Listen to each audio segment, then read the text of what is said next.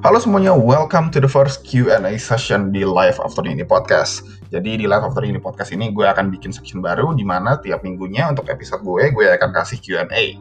Dan ini adalah Q&A pertama gue yang ada di podcast ini, so I hope you guys enjoy it.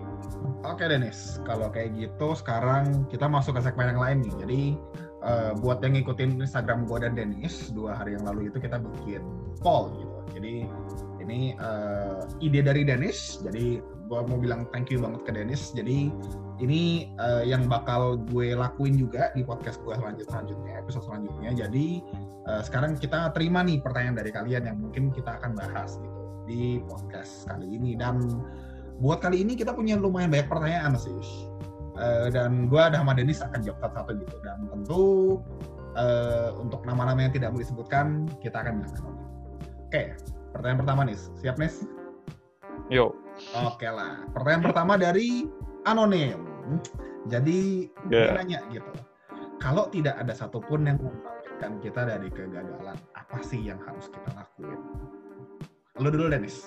Ntar, ntar, ntar uh, pertanyaan kedua uh, gue yang jawab terus lo yang jawab gitu. Kita uh, Oke, okay, siap. Ringan aja. Oke. Okay. Uh, by the way ini disclaimer dulu ya. Kita bukan siapa-siapa kita bukan oh iya benar benar benar benar. Kita yeah. kita cuma uh, mahasiswa yang baru lulus. Eh, enggak sih udah udah dua tahun lulus sih. Gua tekniknya masih kita, mahasiswa nih oh iya benar-benar uh, ya jadi kita cuma share uh, pendapat mm -hmm. dan apa yang kita tahu aja ya. Iya nah uh, balik ke pertanyaan tadi. Apa uh, kalau nggak ada satupun yang bisa bangkitin kita dari kegagalan apa yang harus dilakuin.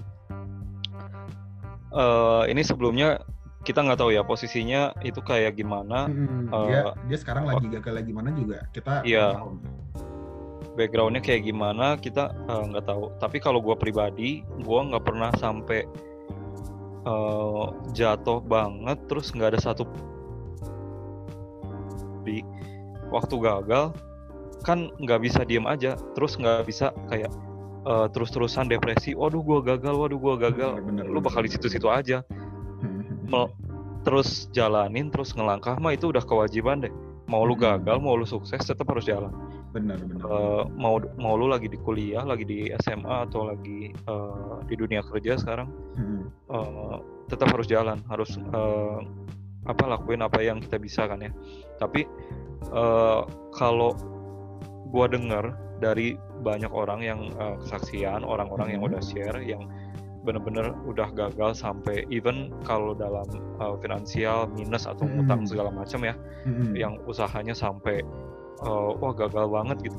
Oke okay, oke okay, oke. Okay. Uh, pengalaman dari pengalaman-pengalaman mereka itu selalu ada aja yang bisa jadi pemicu buat kita bangkit. Hmm. Nah masalahnya pemicunya itu tiap orang pasti beda-beda. Oh iya sih, make sense, make sense. Ya, jadi motivasi atau alasan mah pasti aja, pasti ada aja. Cuma mungkin uh, dari yang teman kita tanya ini, mungkin kondisinya lagi uh, merasa apa ya banyak pikiran, mungkin lagi merasa benar-benar jatuh, di, uh, lagi benar-benar di bawah. Tapi uh, akhirnya yang tahu motivasi, alasan atau uh, tombol buat kita uh, bangkit lagi tuh masing-masing sih. Tapi hmm. pasti aja ada kita yang harus nyari, kita masing-masing yang harus nyari. Nah, uh, finally sih actionnya harus uh, pasti di tangan masing-masing sih. Hmm. Uh, kita yang bisa kita yang bisa bawa diri kita bangkit lagi. Nah, mungkin itu motivasi yang harus uh, apa yang bisa memicu kita buat bangkit lagi itu yang harus dicari. Kalau buat gue gitu sih. Bener-bener gue gue gue juga setuju sama Dennis. Uh, basically kalau misalnya kita stres nih ya, oke okay lah. Uh, stres sehari sehari dua hari boleh gitu. Tapi bener kata Dennis, waktu waktu tidak menunggu gitu. Waktu terus berjalan. Dan dan uh, adalah kalau misalnya kita mau bangkit, tapi tapi kita nggak ngapa-ngapain. Uh, anggaplah misalnya sekarang uh, kegagalannya, oke okay, gue sekarang masih unemployed misalnya sementara gue baru lulus dan teman-teman gue sudah bekerja misalnya kalau misalnya dia stres gak ngapa-ngapain nggak bakal ada yang tiba-tiba e, nis ini nis ada tawaran kerja nih buat lo nggak ada kan seperti itu kan hmm. kan ada yang kita harus cari sendiri gitu dan uh, actually gue punya satu satu lagi yang bisa gue share sih um, gue nggak tahu nih, lu pernah dengar atau enggak. Tapi lu tahu Gary Vee kan? Iya. Tahu kan? Nah, gue tuh inget dia video dia 4 tahun yang lalu. Dia dia bilang kayak gini. Buat yang baru lulus kuliah atau yang masih muda, pokoknya usia 20-an lah, usia-usia kita kita gini lah, usia meskipun kita di, sebentar lagi udah mau 25 sih.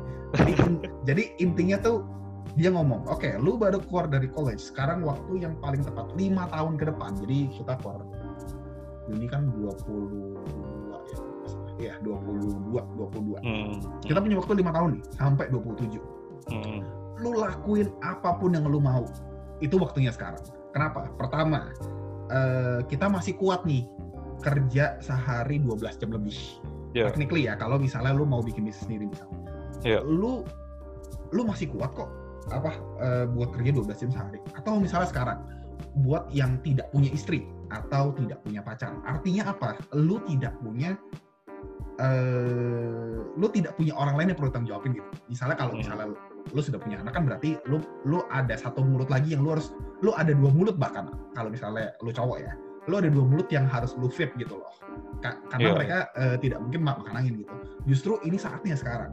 The, the thing adalah Eh, nggak uh, masalah lu gagal sampai crash and burn sekarang itu nggak masalah karena risknya lu dikit gitu loh ketimbang yeah. nih contohnya lu udah 45 misalnya 45 oke okay lah let's be realistic umur oke okay. tenaga lu tidak sekuat dulu lagi hmm. uh, lu mungkin udah punya tanggung jawab sekarang mungkin udah married udah punya anak yang uh, tidak mungkin dong gara-gara lu mau ngelakuin sesuatu ditinggal gitu kan sangat itu.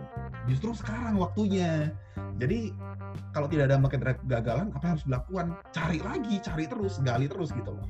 Karena uh, nanti habis ini pertanyaan habis ini uh, gue akan cerita gitu pengalaman gue sendiri setelah lulus dari kuliah. Ya. Tapi intinya adalah lu cari sendiri. Kalau misalnya nggak ketemu gimana? Ngobrol sama teman-teman. Lu ngobrol sama teman yang lu percaya misalnya. Lu lihat apa yang hmm. mereka, mereka lakuin misalnya, misalnya kayak misalnya kayak kayak Dennis nih sekarang uh, Dennis sekarang bikin bikin fotografer dan Dennis bikin fotografer mau usaha kombucha. Kalau memang lu tertarik, lu bisa sama Dennis kenapa nggak bilang, oh Nis kita bikin uh, tim bareng yuk. Misalnya kita bikin satu agensi. Lu yang moto, gue yang cariin model misalnya. Lu yang bagian hmm. moto, gue yang ngedit video misalnya. Jadi kayak gitu. Ya, jadi kayak dicoba aja. Gagal tidak masalah. Karena lagi gitu. Um, sekarang ini umur-umur yang risknya dikit banget gitu loh bener-bener lu tidak ada tidak ada yang perlu lu takutin tidak ada yang perlu lu takutin deh dan hidup kita kalaupun misalnya uangnya minim kita bisa belajar hidup lebih frugal gitu loh lebih kita bisa belajar hidup lebih humble lebih tidak foya-foya lebih uh, lebih hemat lah intinya belajar untuk hidup hemat gitu betul itu betul kalau dari gua sih oke okay, gue ngefans banget Bada. Offense banget sama Gary V.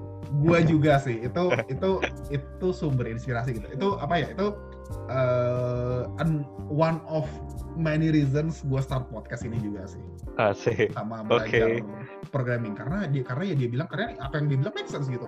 Sekarang uh, istri nggak punya, pacar nggak punya, anak nggak punya, orang tua oh, orang tua oke okay lah dia dia udah udah punya pasangan sendiri. Jadi kayak I have nothing to lose gitu Lebih baik gue coba dibanding gue nyesel nanti.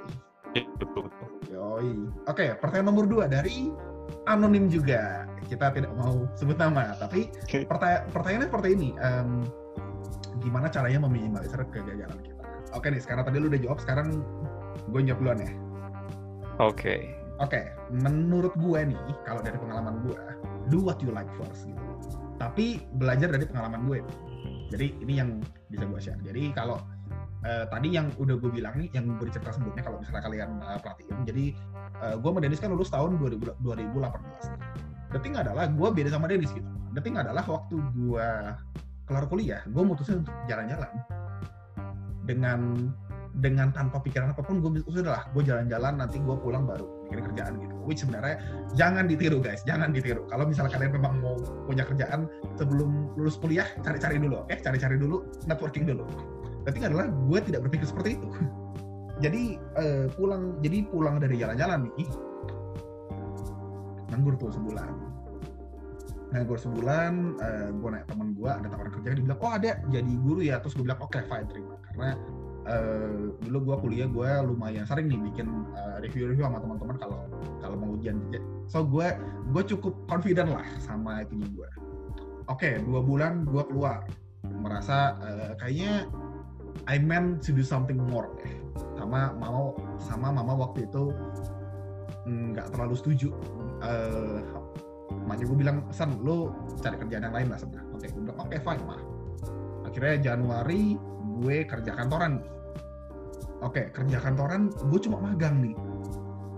Statusnya tiga bulan keluar. Nganggur lagi nih terus gue belajar programming. Oke belajar belajar programming kalau misalnya kalian yang kalau misalnya kalian yang dengerin ini ada ngambil kelasnya kalian tahu kelas programming itu tidak murah oke? Okay? kelas programming itu lumayan mahal. Dan dan the adalah tidak semua orang yang lulus berhasil gitu.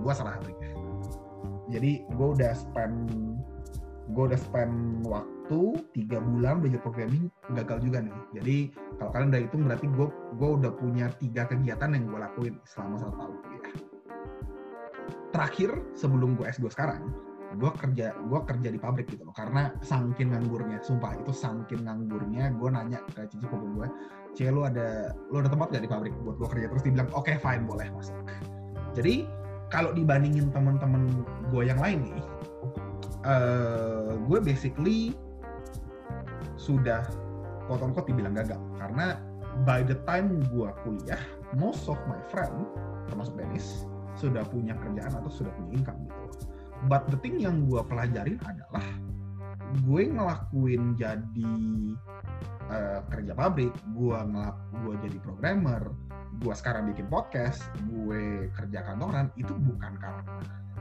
itu gimana ya? Bukan karena tidak mau cari gitu loh, tapi the thing adalah gue mau nyoba apa yang gue merasa cocok gitu loh. Karena jujur aja habis gue S1 kayak tadi gue cerita, gue gue gagal skripsi basically tiga, tiga kali guys. Uh, kalau tanya angkatan gue sama angkatan adik kelas uh, uh, tau lah uh, siapa senior yang gagal siapa senior yang gagal skripsi paling banyak ngabisin duit paling banyak ngabisin bahan paling banyak. Itu gue jawabannya oke? Okay?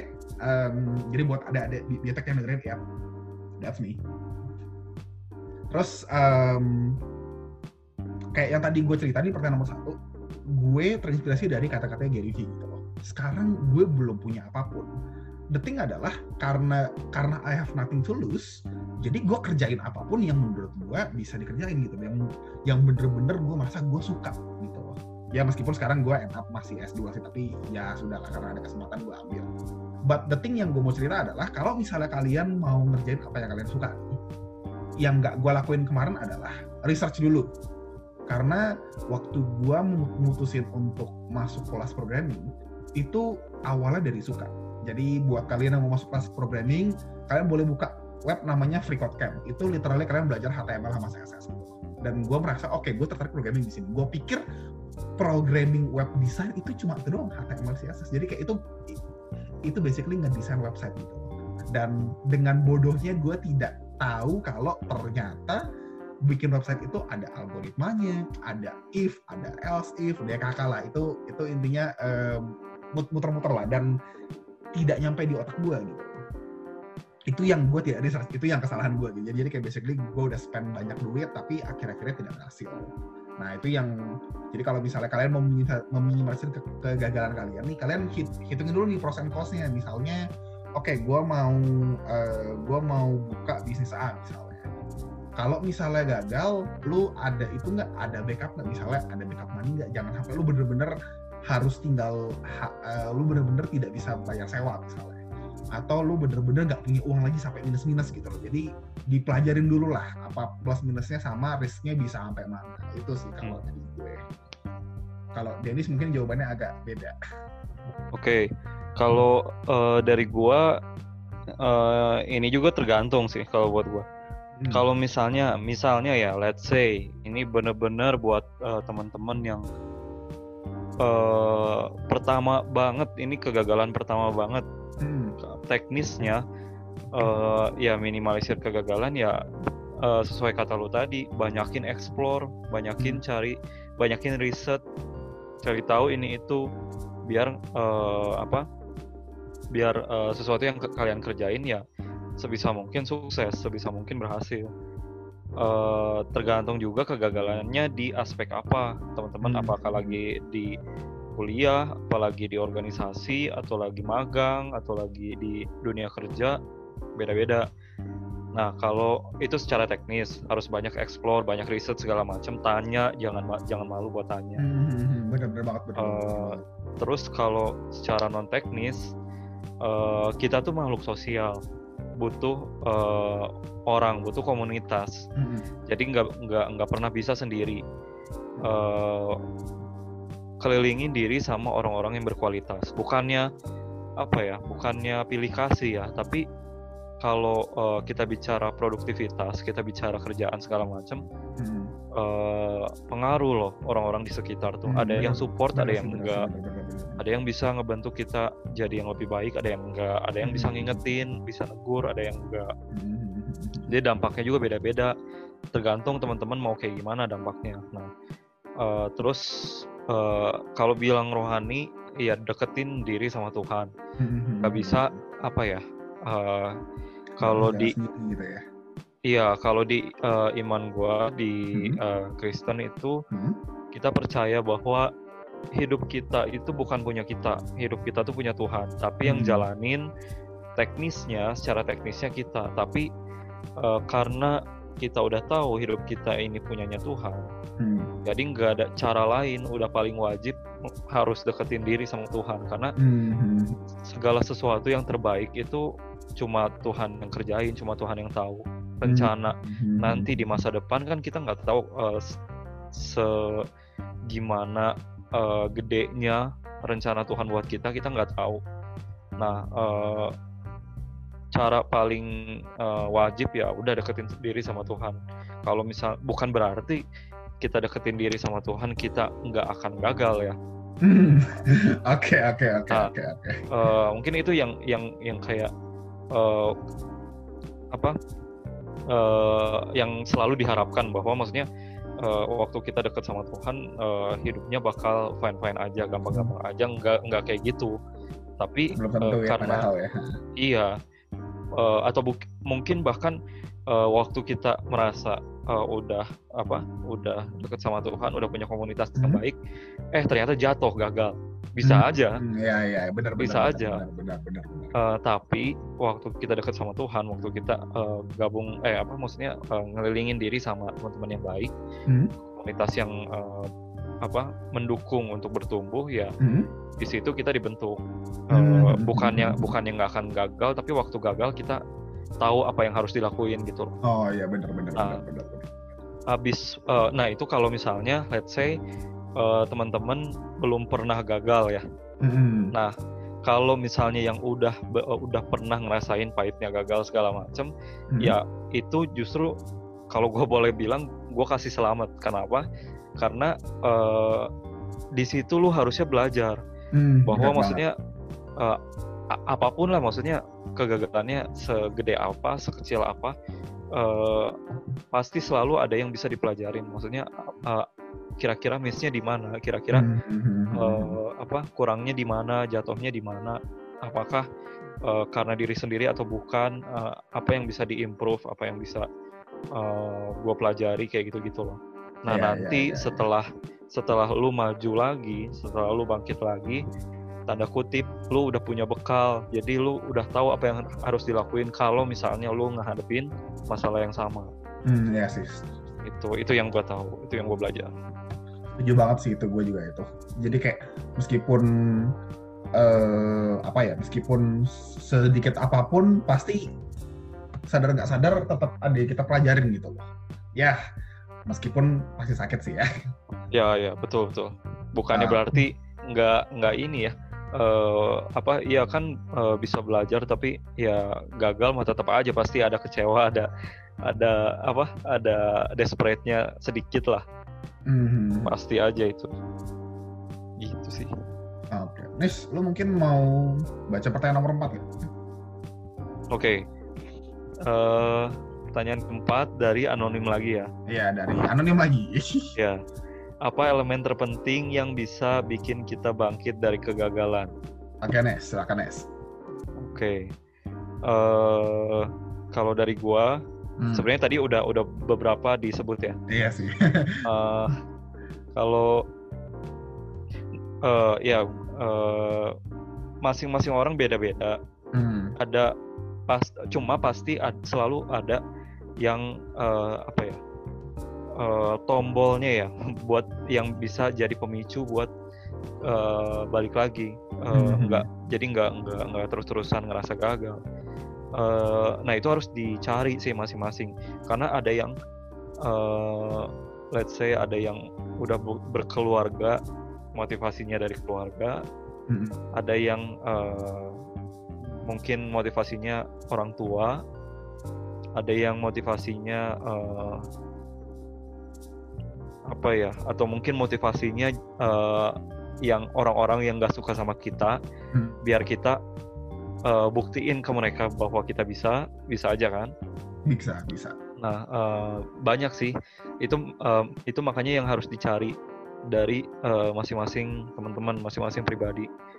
Cuma ada beberapa faktor juga sih yang uh, bisa apa ya bisa bikin kita balik nggak nggak ngerasa gagal terus. Contohnya ya, hmm. ya komunitas close circle itu penting banget. Kalau di uh, di iman gue bilang uh, pergaulan yang buruk merusak uh, kebiasaan yang baik. Hmm. itu bicara tentang komunitas salah satunya ya. Itu bicara tentang komunitas tentang teman-teman dekat orang-orang yang uh, di close circle-nya kita. Uh, apakah kita uh, teman-teman dekat kita orang-orang terdekat kita itu uh, mendukung untuk bertumbuh atau enggak saling mengingatkan atau enggak uh, bukan cuma uh, support tapi ngingetin kita bisa negur kita apa enggak. Waktu hmm. kita bikin salah itu uh, mereka bisa uh, negur kita atau enggak kayak gitu-gitu. Itu itu penting. Terus uh, kalau kita bicara rohani deketin sama Tuhan itu udah paling wajib. Karena hmm uh, segala sesuatu yang maksudnya uh, mendatangkan yang terbaik buat kita itu cuma dari Tuhan. Kalau itu itu yang gue percaya ya. Untuk kekuatan, pertolongan waktu kita gagal, terus uh, karena nanti juga waktu di depannya itu semua Tuhan yang pegang. Kalau gue percaya. Hmm. Jadi nggak ada alasan untuk menjauhkan diri dari Tuhan gitu loh. Oke oke oke. Itu itu yang penting. Uh, jadi balik ke uh, ada dua sisi sih ada internal sama eksternal internalnya tadi ya hmm. uh, motivasi pribadi itu beda-beda hmm. uh, terus uh, yang kenal diri kita itu cuma kita pribadi doang sama Tuhan hmm. jadi nggak ada uh, apa orang bisa uh, orang bisa bantu teman-teman bisa bantu tapi yang ke paling kenal itu kan uh, diri kita masing-masing. Kita yang tahu motivasi uh, yang yang bisa memicu kita buat bangkit lagi. Uh, dan eksternal tadi yang uh, untuk close circle komunitas sama uh, balik cari Tuhan itu yang eksternal sih. Kalau hmm. gue gitu bro. Kalau gue jawabannya uh, mirip-mirip sih. Cuma kalau boleh gue tambahin dikit uh, intinya adalah kalau misalnya kalian masih kalian gagal nih, tapi lingkungan kalian masih ada orang orang-orang yang toksis, masih ada orang-orang yang toksik, segera cut aja deh. Karena kalau misalnya boleh jujur, tidak semua orang happy ngeliat kita sukses. Eh, setuju sih. Iya kan? Kayak uh, yeah, iya. kayak yeah. kayak kayak uh, the thing adalah oke, okay, manusia itu kadang jahat ya. Uh, meskipun dibilang punya agama ya. Yang yang gue lihat adalah ya seperti itu nih siapa nggak semua orang mau kita sukses gitu. Hmm. ada beberapa yang mau kita fail. Ada kayak yeah, kayak yeah. gimana ya? Kayak seakan-akan dibilang oke okay, gue tetap posisinya lebih tinggi dari lu gitu. At least seperti itu. Hmm. jadi kalau ada ya? uh, hmm, jadi, jadi kalau misalnya masih ada tem lu punya temen nih yang toxic segera cut dan bener kata Dennis tadi kalau lingkungan lu baik kalau lingkungan lu punya support buat lo kayak misalnya uh, lu mau bikin something lu cerita ke lingkungan lu. Kalau lingkungan lu bilang just do it gitu loh kita ngedukung itu yang jadi kons itu konstruktif gitu loh. Tapi kalau misalnya lingkungan lu bilang ah masa sih kayak terlalu risky lah terlalu gimana itu kayak seakan-akan ngehambat gitu. Dan biasanya nih ya kalau orang yang udah jatuh yang maksudnya lagi lagi goyah lagi nggak stabil itu kok itu ke- itu ngerasa lu lu ngerasa nggak sih apa gampang kepengaruh orang gitu? Hmm, betul kalau kalau kal- kalau lagi unstable ya kalau misal lagi happy happy mah kayak ah, enggak lah misalnya tapi kalau Iya, lagi betul, nggak betul. iya kan? Itu, Iya betul betul. itu sih yang yang gua tambahin dari jawaban Dennis tadi. Tapi gua setuju banget sama jawaban Dennis internal sama eksternal itu penting banget kalau misalnya bangkit dari kegagalan gitu oke next question masih lumayan banyak loh guys Oke. eh sudah punya sebuah tujuan dan belajar dengan giat dan kerja keras, tapi kok hasilnya masih ngecewain ya?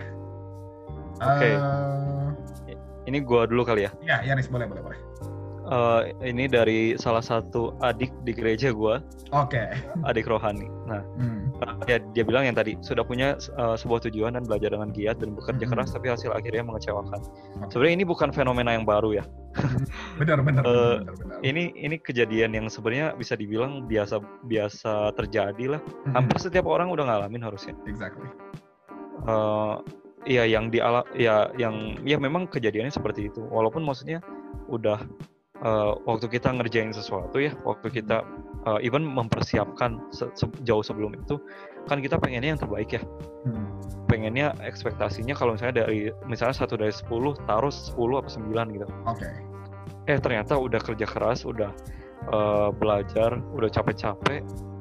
eh, ternyata kalau misalnya di sekolah atau, atau di kuliah hasilnya cuma 5 misalnya. sedangkan Jauh ya. passing grade passing grade-nya 7 misalnya. Berarti kan Oke. nggak lulus tuh. Exactly. Hah. Ya bisa dibilang gagal kan. Hmm.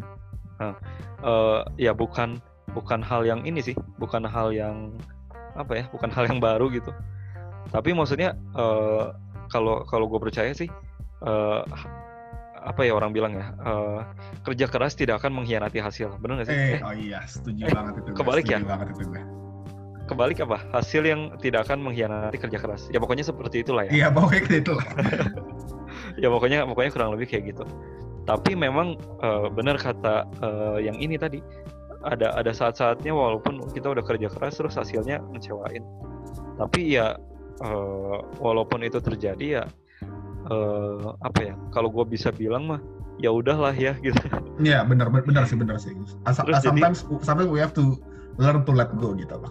ya jadi ya udah eh, itu yang kejadian let go tapi bukan berarti kita eh, diem terus eh, terpuruk sama hasil yang kita terima gitu loh Hmm. jadi abis abis let go ya udah balik ke mode yang seharusnya lu Hmm. lakuin yang terbaik aja kalau misalnya itu let's say kalau misalnya di kuliah atau di SMA lu ujian ya eh, lu ekspektasi lu 9 dapat 5 misalnya terus passing grade-nya eh, 7 berarti kan nggak lulus Hmm. ya apa yang bisa dilakuin ya lu ngulang-ngulang lah gitu maksudnya Eh, Hmm. apa yang apa yang dari opsi-opsi yang ada yang bisa lu lakuin yang terbaik yang mana? Itu lu lakuin yang terbaik make sure diri lu lakuin yang terbaik aja. Gitu. Dan dari kegagalan itu ya kita bi- bisa bilang kegagalan coba lihat eh, lu desperate eh, atau kecewa sebentar nggak apa-apa lah tapi jangan tenggelam terlalu lama kalau gue bilang.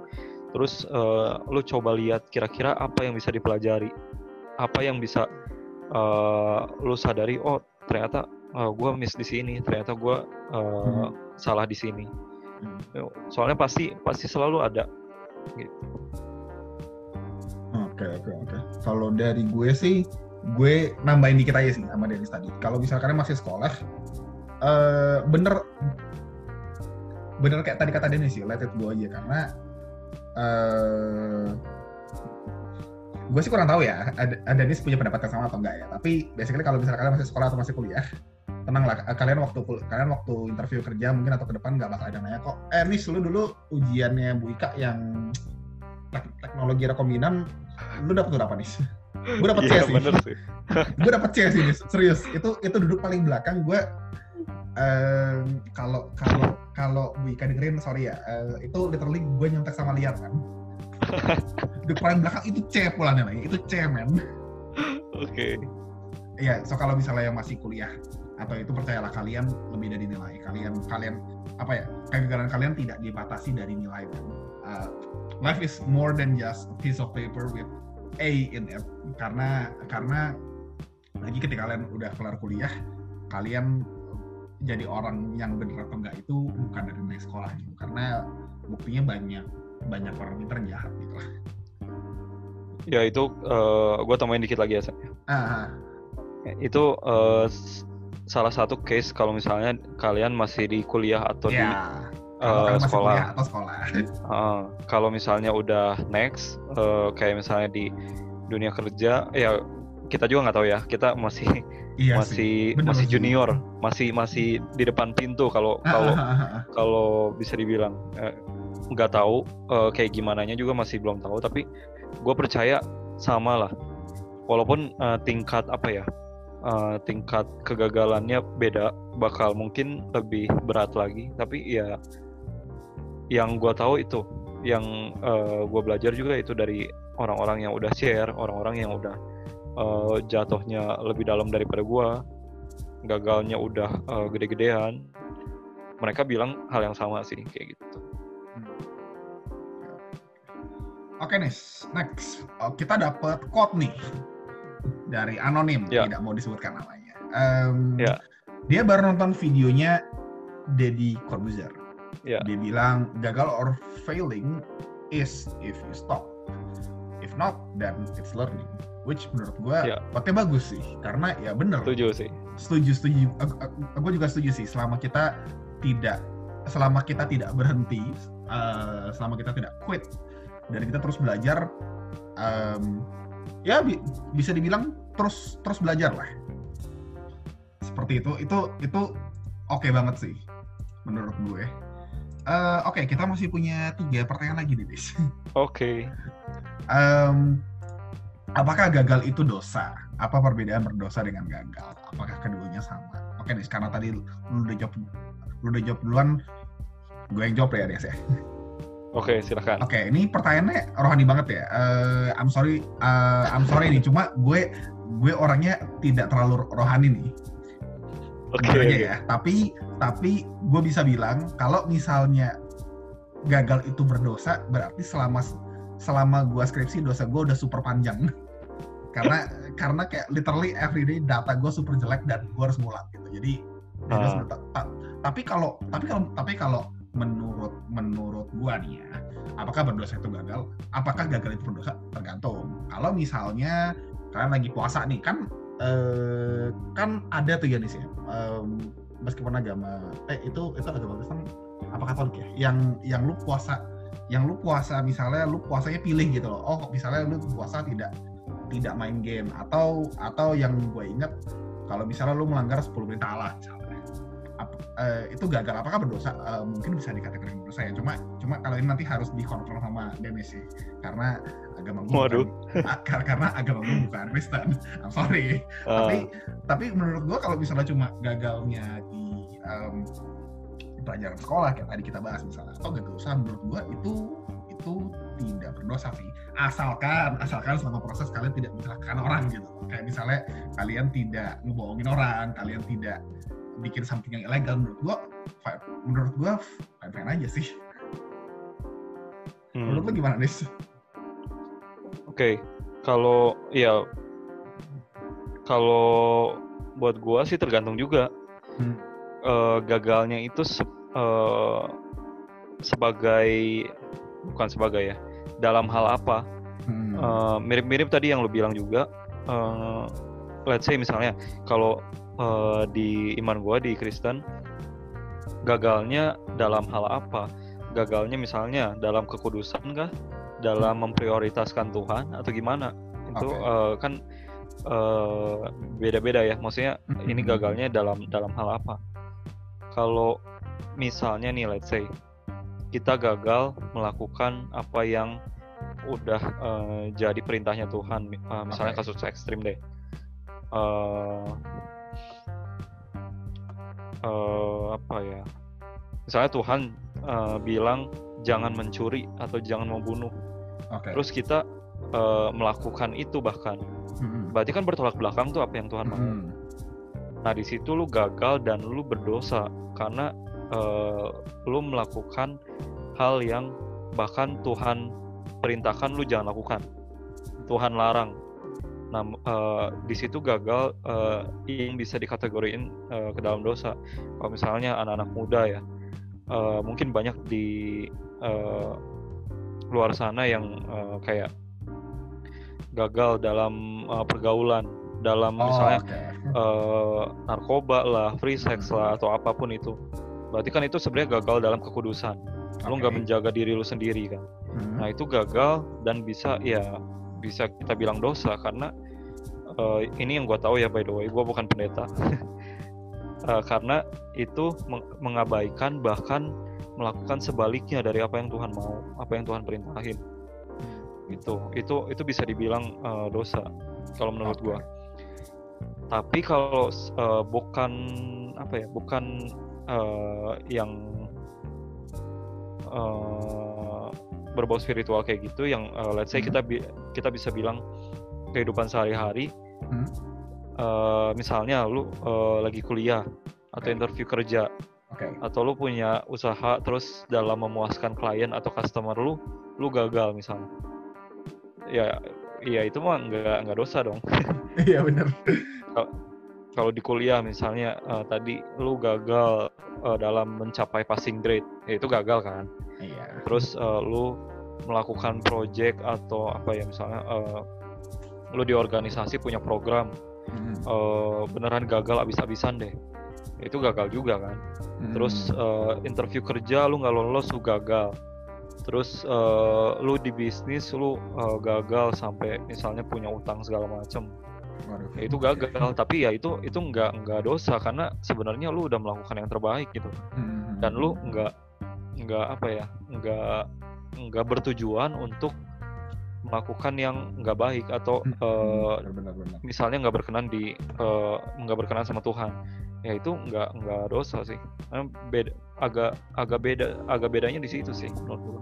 Oke oke oke oke. Oke.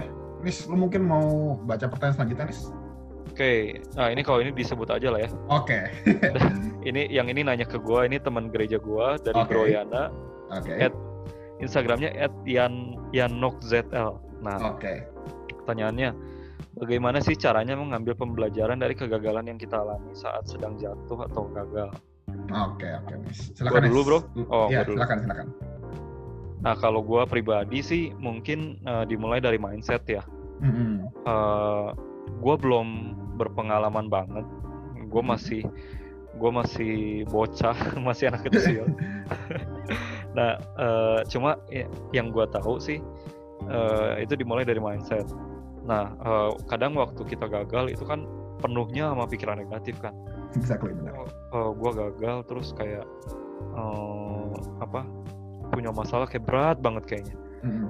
Nah itu mungkin eh, dari dirinya, dari diri kita sendiri, ya itu biarin itu jalan, karena Mhm. pasti pasti ada pikiran negatif segala macam. Hmm. Tapi sebisa mungkin pikiran negatifnya agak dikepinggirin dulu. Hmm. Mindsetnya bukan fokus sama kegagalan, bukan Hmm. sama masalah-masalah yang ada di depan, tapi eh, mindsetnya bisa kita belajar ubah. Nggak ada itu yang namanya gagal sebenarnya. Yang ada itu Hmm. cuma berhasil atau belajar. Jadi waktu kita gagal itu fokusnya bukan gagal, tapi apa yang Belajar bisa gitu kita ya. pelajari, ya. Oke, atau- oke, oke. Bisa dibilang apa yang mau Tuhan ajarin ke gua. Nah, itu kadang klise sih, dan maksudnya nggak nggak gampang waktu karena waktu kita gagal kan penuhnya sama pikiran negatif kan. Exactly benar. Boro boro-boro mikirin positif itu kepinggirin hal yang negatifnya aja mungkin agak susah. Iya benar benar. Iya kan? Benar benar benar benar. Nah cuma ya itu terus eh, sadarin juga bahwa maksudnya berapapun usia lu, berapa apa pun yang lu kerjain pasti ngalamin gagal mau besar mau kecil. Hmm. Itu mau di mau di akademik ataupun eh, lu di dunia kerja segala macam pasti yang gua tahu pasti itu akan ngalamin gagal. Nah eh, ada gua pernah baca kayak gini. Waktu lu berhasil, lu siapin mental buat kemungkinan gagal. Karena lu Oke. karena masalah waktu aja itu sebenarnya karena Hmm. pasti ngalamin gagal nah waktu lu gagal siapin mental juga bahwa lu itu akan naik lagi karena nggak akan selamanya di bawah Eh, gila, ada gila, gila, ada gila. ada yang ini ada eh, kata-kata motiv- motivasi kayak gini kan eh, life itu ada up ada downnya kan benar. kalau uh, lu tahu mesin EKG yang buat Iya, jantung tahu. itu tahu. denyut jantung itu kan ada datar, ada naik, ada turun. Iya. Nah kehidupan juga katanya seperti itu. Jadi ada Hmm. datar, ada naik, ada turun.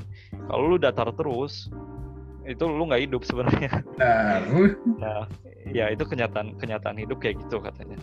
Gitu. Hmm, oke oke oke oke. Kalau dari gue, gue mau tambahin em, dikit aja sih. Eh, ini yang mau gue sampaikan tadi, cuma belum kepikiran tadi. Kalau misalnya memang sekarang lagi jatuh nih, kalau memang terlalu banyak pikiran negatif, kalau tadi eh, Dennis bilang kan coba dipinggirin dulu. Tapi kalau memang susah nih, eh, get help deh, serius. Kalian boleh get, ka- eh, get help itu banyak ya. Ada yang mungkin pergi ke teman-teman, ada yang mungkin lebih ke sirohani. Tapi kalau memang eh, kalian butuh jasa profesional seperti contohnya psikolog, pergi aja gitu. Karena Betul. lagi tidak ada salahnya ketika kalian dibawa get help. Eh, like everyone needs help gitu loh. Betul, Dan betul.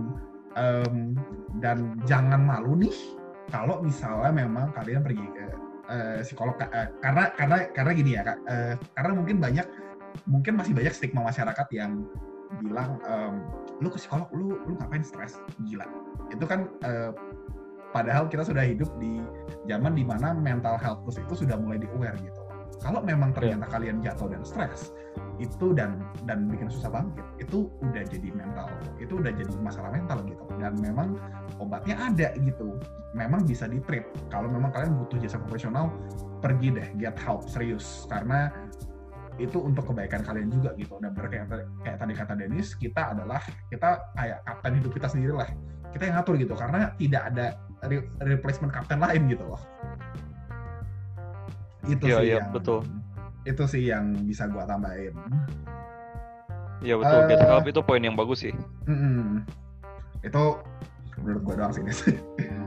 Eh, karena eh, karena gue eh, gue punya temen yang seperti itu nih yang dia udah gimana ya dia dia stres dan saran gue ke dia adalah udah deh karena gue sekarang lagi di Australia ini lagi di Indo get help deh serius Hmm. Itu buat kebaikan lu juga soalnya Iya, iya. oke next Nis dua pertanyaan lagi Nis Oke, ini dari anonim juga dari anonim Pertanyaan. juga. Pertanyaannya Oke. jadi self judging dan people pleasure itu gimana? Karena dianggap gagal sama orang-orang dengan menuruti keinginan mereka. Oke, gue punya cerita yang super menarik. Oke. Eh, gue gue kagak tahu lu udah denger atau enggak ya.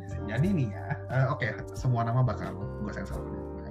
Jadi lu bayangin nih, gue pagi-pagi baru baru bangun tidur nih ya. Em, ini keadaannya gue sebelum berangkat ke Australia. Jadi udah kelar kerja dari pabrik nih. Jadi gue bener-bener lagi packing mau siap-siap ke Australia lah. Itu dua, dua sampai tiga minggu sih gue. Jadi pagi-pagi nih, lu bayangin telepon rumah telepon rumah berdering. Awalnya mau nyari samuan di rumah gue gitu. Terus tiba-tiba ini gue tidak buat-buat ya. Ini memang terjadi dan keluar langsung dari mulut dia gitu. Dia dia dia ngomong seperti ini. Makanya Sen, pilih kuliah tuh yang bener.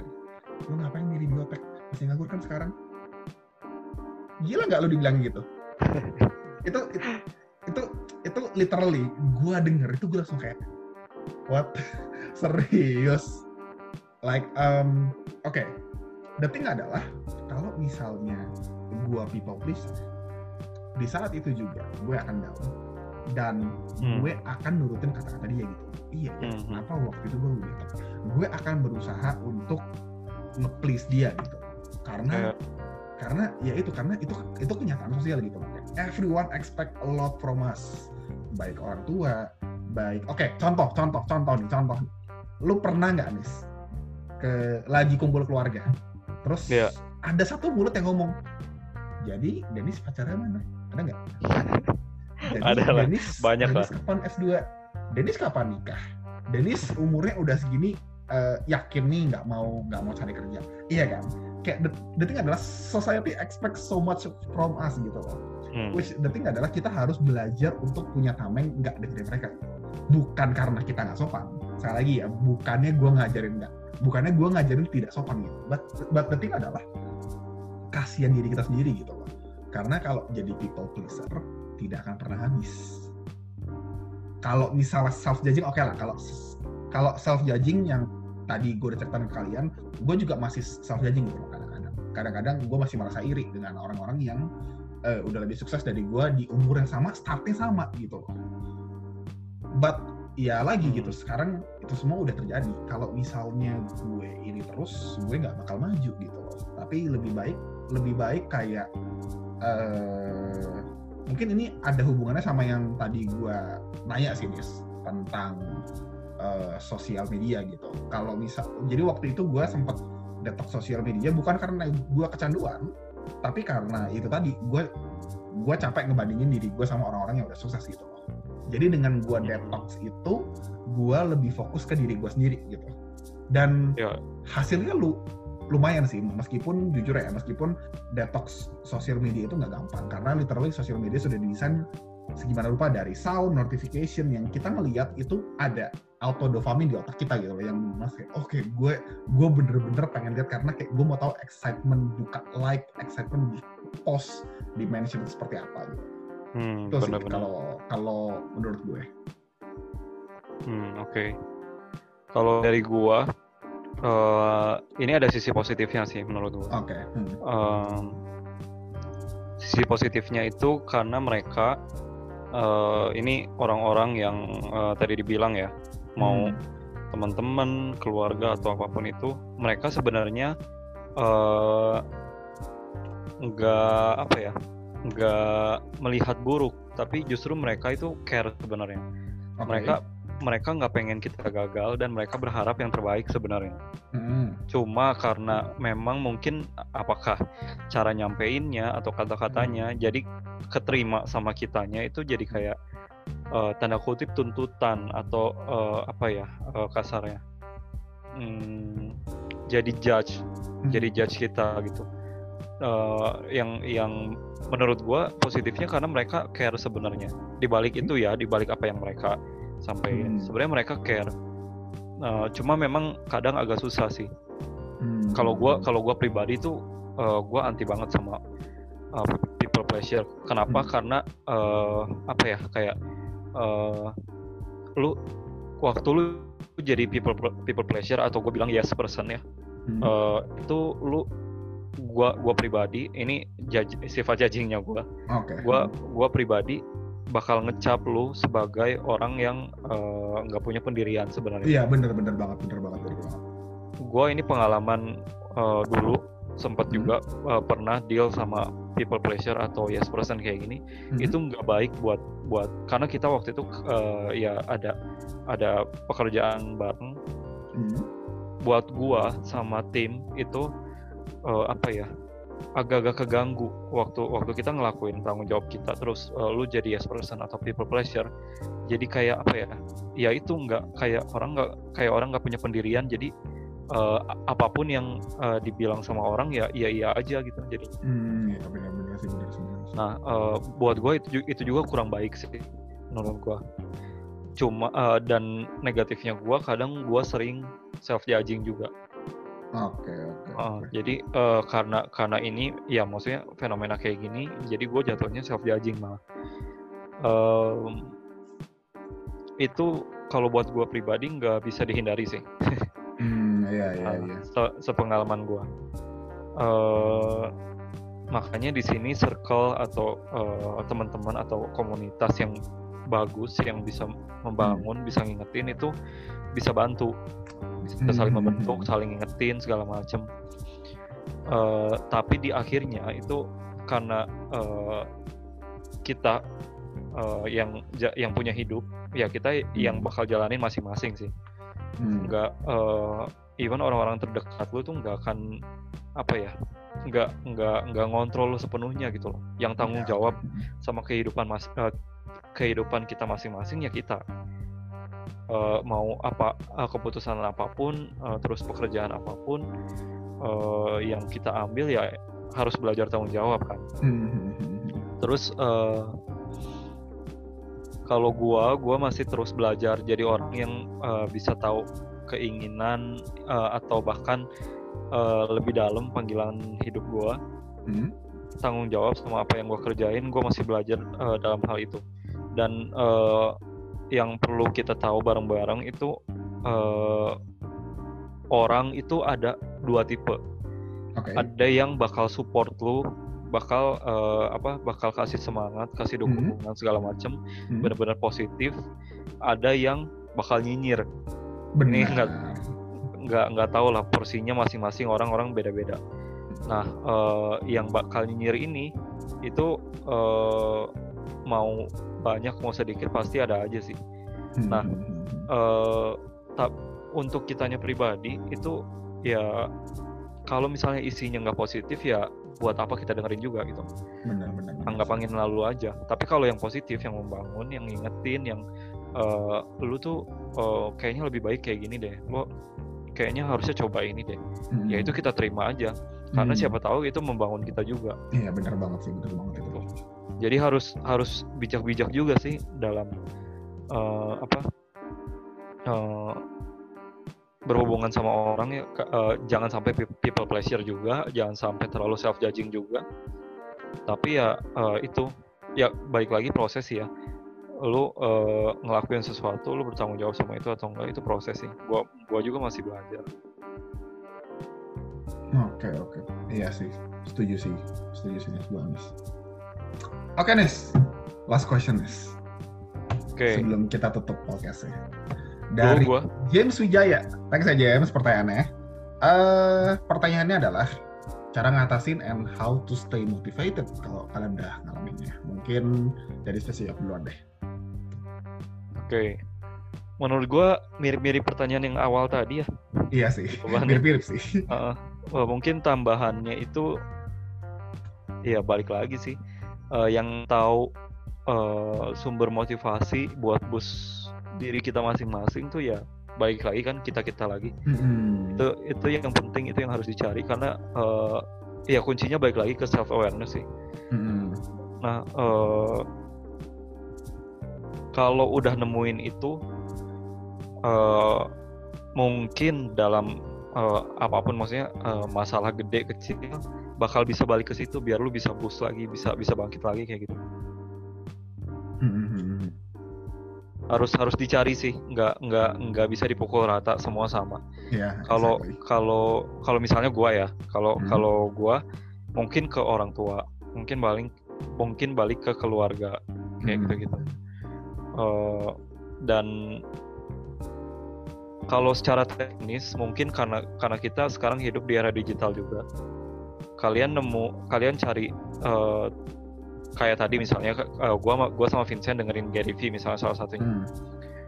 Eh, kalau buat gua itu kadang bisa jadi motivasi juga. Motivasi motivasi buat apa?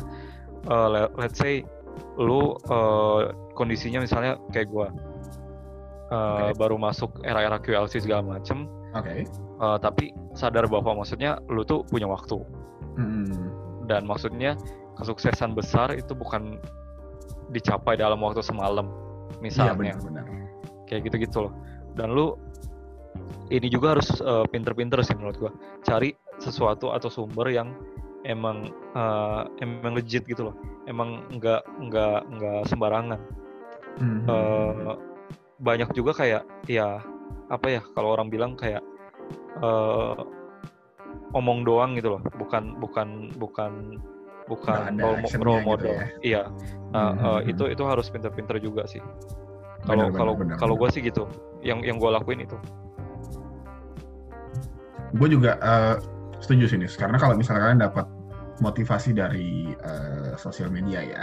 Karena eh, lagi lagi yang tadi gue bilang di awal sosial media itu lu bisa jadi siapa pun gitu loh tanpa ada yang ngecek tanpa ada yang ngecek validasinya. Jadi ya quote on quote bener kata Dennis banyak fake guru di mana dia ngajarin something yang eh, mungkin terlihat bagus gitu loh tapi mungkin praktikalnya tidak seperti apa yang dia katakan seperti itu jadi how to stay motivated balik lagi ke circle lu masing-masing kalau circle lu bagus percaya deh lu akan di-support sampai habis tapi kalau circle lu jelek isi orang-orang toxic ya lebih susah setuju. Mm-mm.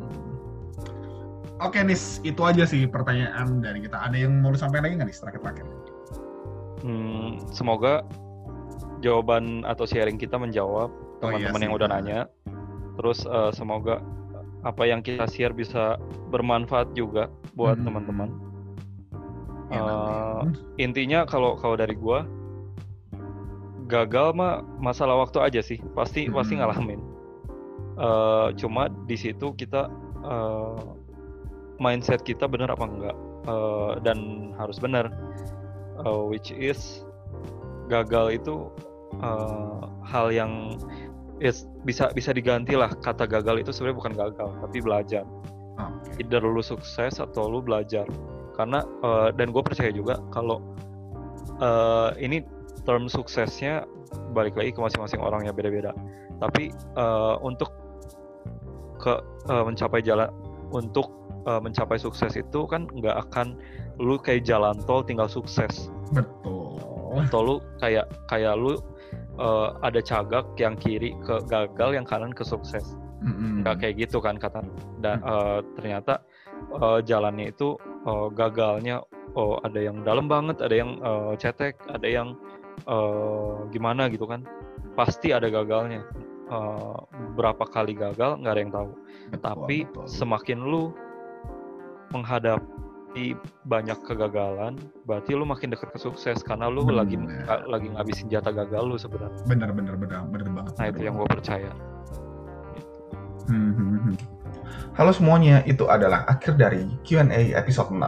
Makasih buat semua yang udah mau dengerin, dan as usual, kalau misalnya kalian punya ide uh, atau jenis konten yang kalian mau lihat di podcast ini, kalian bisa langsung reach out gue, bisa DM di Instagram gue live after uni 7. Um, itu aja dari gue, I'll see you next time.